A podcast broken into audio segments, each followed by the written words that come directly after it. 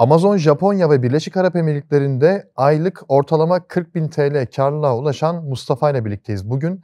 Tabii ki bu sadece bir başarı hikayesi değil, aynı zamanda yaşanılan bir takım ticari sıkıntıların da e, aktarıldığı bir yayın olacak. Dolayısıyla burada birçok şeyin e, çözümünü Mustafa ile birlikte bulacağız. Hoş geldin Mustafa. Hoş bulduk. Nasılsın öncelikle? İyiyim, teşekkürler siz. Teşekkür ederim, ben de iyiyim. Davetimi kırmadın, buraya kadar geldin. Çok genç bir arkadaşımızsın ve iki ortak Amazon'da satış yapıyorsun. Evet. Öncesinde sohbet ettik. 35-40 bin TL aylık bir karlılığınız şu an mevcut. Ortalama olarak evet. Ortalama. Ee, bize biraz hani kendinden bahseder misin? Amazon'da satış yapmak, dropshipping yapmak aklına nereden geldi? Bu fikir nasıl çıktı ortaya? Şöyle ben şu an kuzenimle ortak olarak yapıyorum. Daha önce çalışırken bir taraftan sürekli ek gelir olarak bu işi yapma isteği zaten vardı. İkimizin de aklında vardı. Birazcık onun tetiklemesiyle birlikte ek gelir olarak bu işe başladık. Daha sonrasında zaman geçtikçe cirolarımız ufak ufak artmaya başladı. Cirolar arttıktan sonra ana gelirimiz haline dönüştü. Ana geliri olduktan sonra artık tam zamanlı olarak bu işe odaklandık. Devam ediyoruz. Normalde ne, ne yapıyordunuz peki? 24 yaşındasın. Okuyor muydun? Başka bir yerde Ben mezun oldum. Tanıdığım bir yerde işletmede çalışıyordum. Hmm. Satış personeliydim. Satış personeli. Evet. Ee, Amazon aklına geldi. İşte videoları izledin. Şu, yapabilir miyim dedin. Yapabilir miyiz dedik. Yani 3-4 ayımız ortalama olarak araştırmayla geçti. Çünkü hiçbir eğitim almadık ilk başta. Kendimiz yapabileceğimizi düşündük. Biraz zorlandık ama eğitimsiz başladık zaten. 3-4 ay araştırmadan sonra artık faaliyete geçirmeyi düşündük. Ya ilk hesabımız Kuzey Amerika'da Kanada oldu. Kanada ile başladık. Şu an aktif olarak Japonya, Avustralya, Singapur ve Birleşik Arap Emirlikleri'ne satış yapıyoruz. Ben tabii izleyenlerle ekran paylaşımı da yapacağım. Sizin satıcı panelinize e, izin verdin. Teşekkür ediyorum. Bağlanacağız. Onu da e, iz- izleyenlere göstereceğiz gerçi ama ben sadece Japonya ile Birleşik Arap Emirlikleri'ni hareketli görüyorum. E, neden diğer ülkeler yok? Singapur ve Avustralya'yı son bir aydır biz satışa başladık. Şu Hı. an satış yakalayacağımıza da eminim ama bankalarla yaşadığımız birkaç problemden dolayı mağazamı şu an kapatmak zorunda kaldım. Hı. Ödeme konusunda problem yaşıyorum yani. Karşı tarafa Amazon'a ödemeyi ulaştıramıyorum. Bu yüzden sıkıntı yaşadık. Şu anlık kapalı. Tamam oraya birazdan değiniriz zaten. Ben şunu merak ediyorum bir de. Kanada'da herkes Kanada'da dropshipping yapıyor. Yani Amerika'dan alıyor Kanada'ya satıyor. Herkesin yaptığı iş modeli şu an e, bu. Yani yoğunluklu model bu. Neden siz Kanada ile başlamadınız? Kanada'yla başladık aslında ama dediğim gibi eğitimsiz başladığımız için çok acemilik zamanımıza geldi. Suspendimizi açamadık. Kendimiz Evet. açmaya çalıştık. Sonra açılamaz bir hale dönüştü bu. Tamamen ondan kaynaklı şu an Kanada'da satış yapamıyorum. Yani denediniz hiçbir türlü bir tane satış olmadı. yakaladım. Bir satıştan sonra gerisi gelmedi. Hesap kapandı. Hesap gitti. kapandı aynen. E peki aynı kapanma riski diğer ülkeler için de söz konusu değil mi? Diğer ülkeler için de var ama e, şu an biraz daha tecrübeliyiz. Araştırmalarımızı çok fazla yaptık. Çalıştığımız arkadaşlar var. Çalıştığımız arkadaşlar bu konuda çok tecrübeli. Yani birçok defa 7-8 defa suspend olmamıza rağmen 10 gün 15 gün içerisinde suspendlerimizi şu an açabiliyoruz. Anladım. E, bu arada izleyenler için baştan söyleyeyim de dışarıda bir e, çalışma var o yüzden ufak bir gürültü gelebilir. Şimdiden kusura bakmayın. Biz devam edelim. E, şimdi ben e, izleyenlerimize senin mağazanı müsaadenle göstermek Tabii, istiyorum. Tabii ki e, ürün numaraları, asil numaraları ve satıcı adı burada gizlenecektir. Şimdi burada e, toplam balans yani ödeme bekleyen 1996 dolar Evet. gözüküyor. Bu herhalde şu an henüz sizin çekmediğiniz içerideki Çekmediğimiz para. içerideki güncel bakiye. Anladım. İçerideki para. Ee, ve şöyle bir envanterine ben bir gözü gezdirmek istiyorum. Manage inventory'e girmek istiyorum.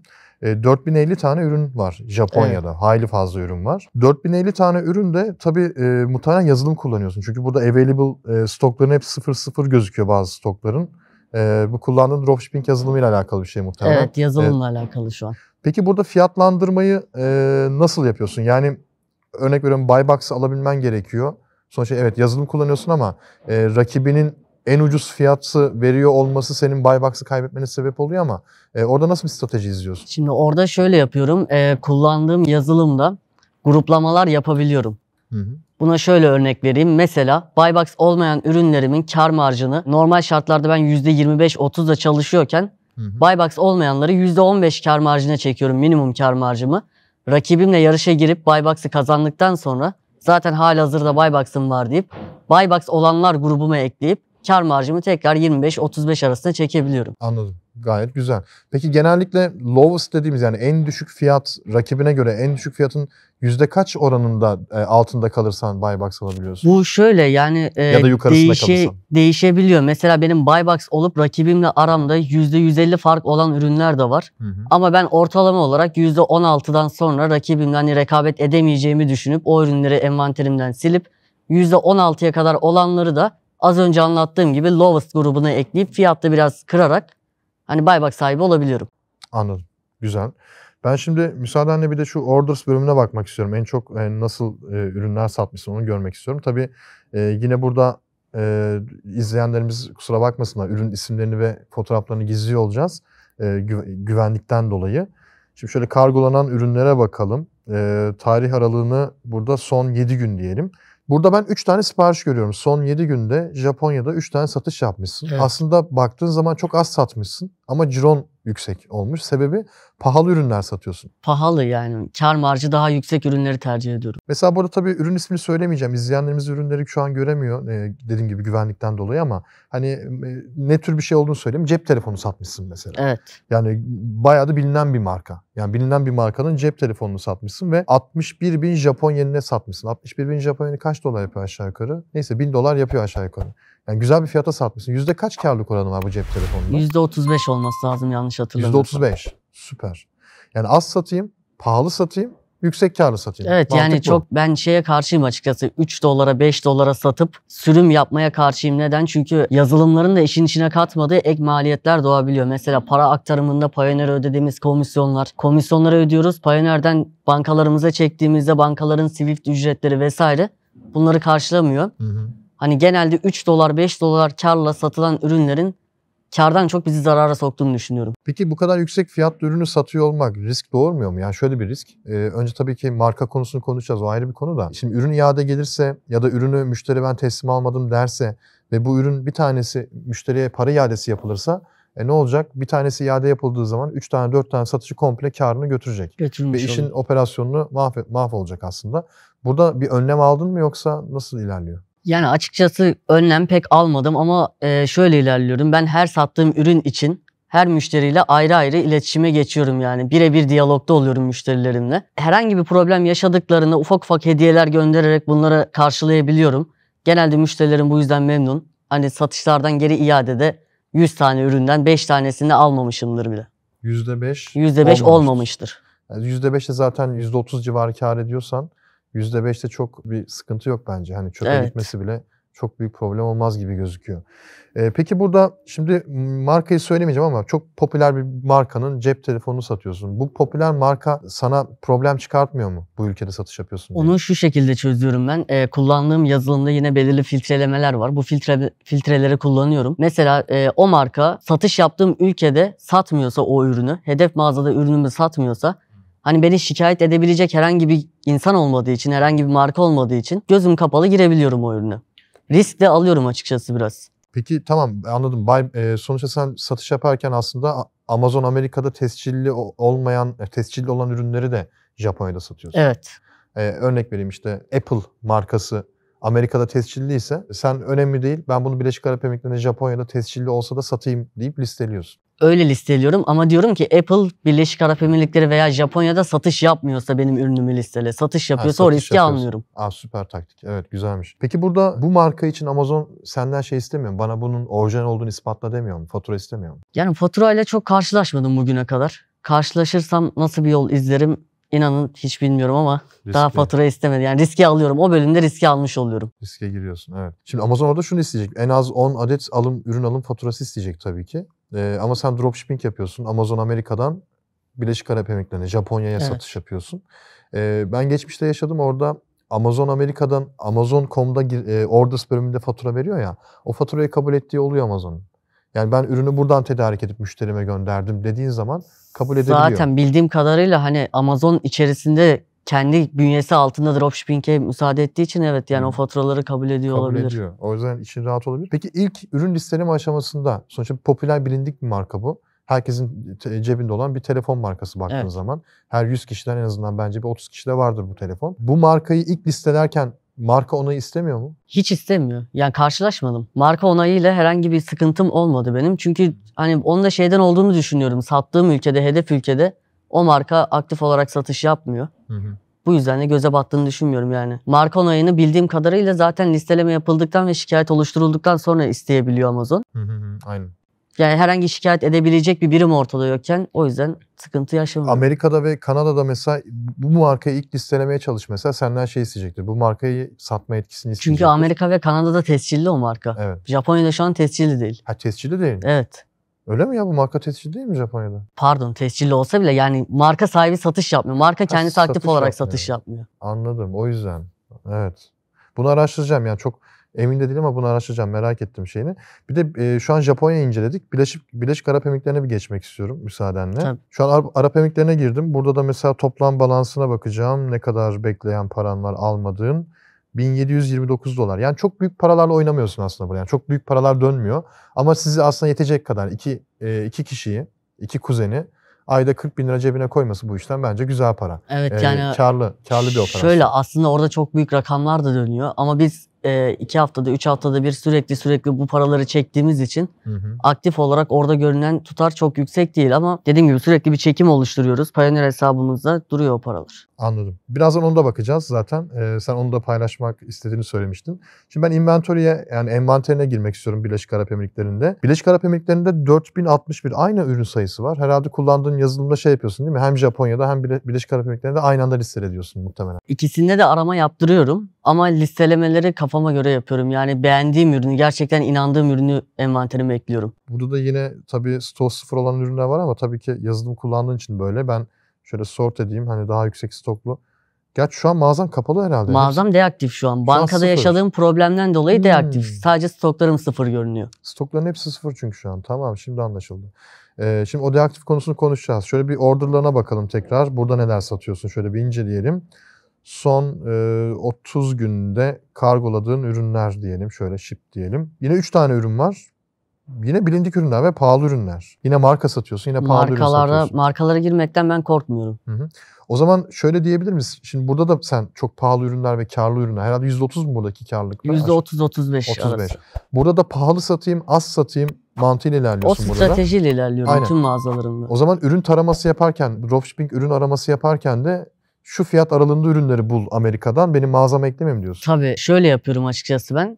Filtrelemelerimi yaptıktan sonra e, linki alıp arama linkini alıyoruz, yapıştırıyoruz yazılıma. Bunu yapmadan önce önce 4 yıldızı seçip daha sonrasında minimum 300-350 dolar tutarındaki ürünleri benim karşıma çıkar diyorum. Hani bana maliyeti en az 350 dolar olmalı. Bu şekilde filtreleme uygulayıp o şekilde arama yaptırıyorum. Çok mantıklı ya. Çünkü genelde dropshipping yapanlar hani 5 dolar 10 dolar kar edeyim 30-40 dolarlık ürün olsun çok pahalı olmasın param yetmez. Çok sipariş gelirse mantığıyla Evet iş yapıyor. yani o gizli giderler olduğu için ben o riske Evet. girmek istemiyorum Çok açıkçası. mantıklı. Ya tebrik ederim. Çok çok güzel düşünmüşsün. Şimdi yaşadığın soruna gelelim. Onu hani beraber bir çözmeye çalışalım aslında. Benim de birkaç fikrim olabilir o konuda. Ödeme yapamıyorum demiştin. Yani Evet. Amazon.com'a al, yani ürünü alırken Birleşik Arap Emirlikleri ve Japonya'ya satarken aldığın yere ödeme yaparken sorun yaşıyorum demiştin. Nasıl bir sorun yaşıyorsun? Ya o şöyle oluyor. Aslında e, kullandığım kartlar birçok bankayla çalışıyorum ben. Kartların hepsi yurt dışına açık. Hala hazırda 8-9 aydır alışveriş yapıyorum sürekli Amazon.com'dan. Amazon.com önce ödememi kabul ediyor benim. Ürünü gönderiyor. Aslında ürün müşterime gidiyor. O konuda hiçbir problem yaşamıyorum. Hatta sattığım ürünlerin birçoğunu karıyla birlikte geri aldım da çekimini de oluşturdum. Ama banka benim işlemlerimi provizyonda tutuyor. Onu göstermem mümkün mü? Tabii Ee, bankadan telefonundan. hemen gösterelim. Hani e, bankada yaşadığım problem mesela burada e, 12. ayın 23'ünde iki tane sipariş aldım gün içerisinde. Hı hı, Biri 830 dolar, diğeri 645 dolar. hı hı. Bu işlemlerin ödemesini yaptım. Ürünler kargoya çıktı ama banka hala provizyonda tutuyor. Amazon'la görüştüm bu problemi. Amazon bankadan kaynaklı olduğunu söylüyor. Bankayla görüşüyorum. Banka biz ödemeyi yaptık. Karşı tarafın muhasebeleştirmesi gerekiyor diyor. Bundan kaynaklı olduğunu söylüyor. Amazon tarafı ödemeyi alamadığı için bu 830 ve 645 doları tekrar tekrar benden çekmeye çalışıyor. Hmm. Aslında bu işlemler e, provizyonda beklediği için dönem sonunda ben bu tutarı ödemiyorum. Ama güncel limitimden düştüğü için şu an satış yapmamı engelliyor. Mağazam bu sebeple kapalı. Anladım. Yani e, limitin kapandığı için sen ürün alacak paran kalmıyor. Dolayısıyla satış yapamıyorsun. Açıkçası şöyle farklı kartlarım da var. Limitim açık ama bu belirsizliği ortadan kaldırmak istiyorum. Çünkü sürekli bir iş olarak görüyorum dropshipping'i ben. Bu belirsizliği ortadan kaldırabilirsem tekrar satış yapmaya devam edeceğim. Senin Amerika'da şirketin yok anladığım kadarıyla. Şahıs olarak satış yapıyorsun. Şahıs şirketi Türkiye'de var. Türkiye'de var. Amerika'da şirketim şu anlık yok. Zaten dropshipping'den elde ettiğimiz karın tamamını da FBA için şu an biriktirmeye başladık biz. Hani kişi başı 15'er bin dolarla FBA'ye bir giriş yapmayı, ufaktan bir lansman yapmayı da düşünüyoruz. Şimdi o yaşadığın bankayla alakalı ben aslında bir e, öneride bulunmak isterim sana e, ve izleyenlere, benzeri sorun yaşayanlara. Şimdi Türk bankalarından ne yazık ki e, benzeri işlemler yaptığında ya güvenlik e, güvenliğe takılıyor. Mesela ben Türk Ekonomi Bankası kullanıyorum örnek veriyorum. E, yurt dışından sürekli çekim yapıldığı zaman Türk Ek- Ekonomi Bankası'nda e, banka sürekli blokluyor ve bana telefon araması geliyor. Bu tutar çekilmeye çalışıldı. Onaylıyorsanız biri tık basın diyor. Telefonda bire basıyorum. İşlemi tekrar deniyorum. Bir daha takılıyor. E, bankaya arıyorum. Bunu çözün diyorum. Çözülmüyor vesaire. Bunun en güzel çözümü aslında yurt dışında bir kart kullanmak. Onun da bir yöntemi var. Ekranda da şu an paylaşıyorum izleyenlerle. Mercury var. Bu Mercury'de bir e, hesap açabilir herkes bedel ödemeden. E, bu tabii ki şirket olması gerekiyor. Yani Amerika'da bir şirketin olması gerekiyor bunu açabilmek, açabilmek için. Tabii ki ilk etapta biraz sıkıntı, zorluk yaşanabiliyor hesap açılışında. Çünkü Mercury çok şey soruyor. Bu hesabı niye açıyorsun? Hangi amaçla kullanacaksın? Ne yapacaksın?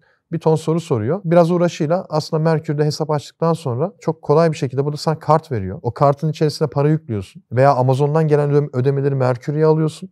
O ödemeleri karta aktarıp kendi içerisinde alışverişlerinde Amazon alışverişlerinde de kullanıyorsun. E ne oluyor? Amerika bankası olduğu için ve alışveriş yaptığın yerde Amerika olduğu için real time çalışıyor. Yani senden parayı Amazon çektiği zaman Mercury'den hemen karttan an- anlık hesabından düşmüş oluyor paralar.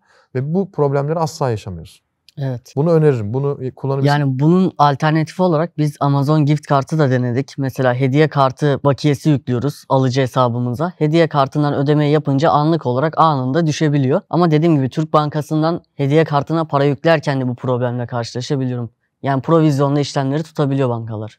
Hediye kartında şöyle bir riski var. Hediye kartı sürekli aldığında ve sürekli kullandığında hesap alıcı hesabını bloke ediyor. O konuda uyarayım çünkü ben bunu yaşadım birkaç kez. Ben de 3-4 defa zaten ondan alışveriş yaptım. Çok fazla yapmadım. Hı hı. O riskli. Yani hediye kartının amacı şu. Yani hediye zaten. Yani ben Ahmet'e hediye edeceğim. Gift kart gönderiyorum. Ahmet kendi hesabını kullanıyor. Ama sen kendi hesabından aldığın gift kartı kendi alıcı hesabından kullanırsan ve sürekli bunu yaparsan bloke ediyor Amazon. Bunda bir neden kredi kartını kullanmıyor da gift kartı para yükleyip kullanıyor diye bloke ediyor. Ben bunu yaşadım bir iki kez. O yüzden orada uyarayım.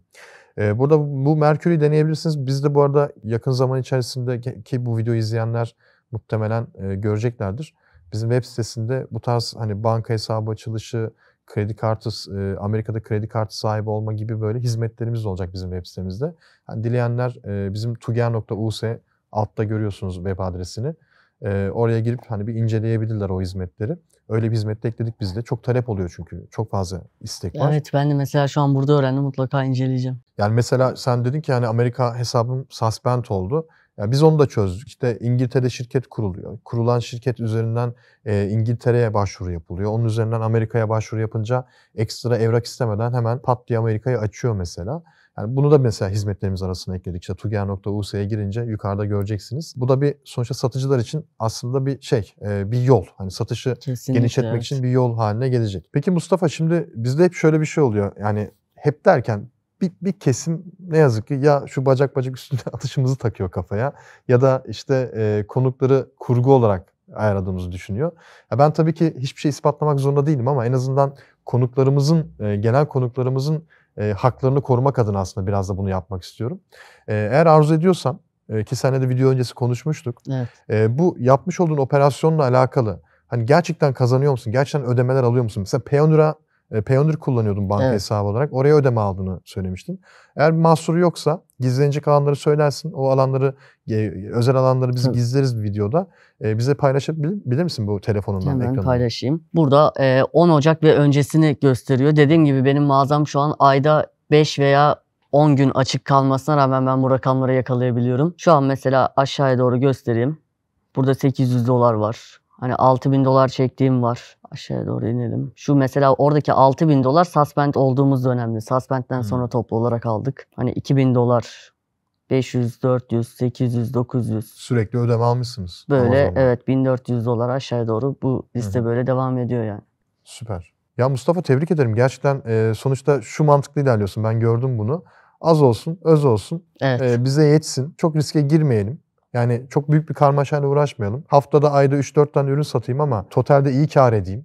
Bu mantıklı ilerliyorsun. Umarım büyütürsünüz işi de. Yani bu mantıkla büyütürsünüz ki iki genç girişimci bence 40 bin TL, 20 bin, 20 bin az para değil Türkiye şartlarında. Evet, Türkiye Ki bu karlılık değil. yani ciro da değil yani ciron daha yüksek. Toplamda 40 bin TL e, karlılık elde etmek bence muazzam. Çok tebrik ediyorum ve katıldığın için de çok teşekkür ediyorum. Rica ederim. Bize çok şey kattın. Çok teşekkürler. Rica ederim. Evet sizin de Mustafa gibi benzeri başarı, başarısızlık hikayesi hiç fark etmez. Bize anlatacağınız bir takım şeyler varsa buraya gelmek istiyorsanız aşağıdaki formumuzu doldurun. Sizi de konuk edebiliriz. Kendinize çok iyi bakın. Hoşçakalın.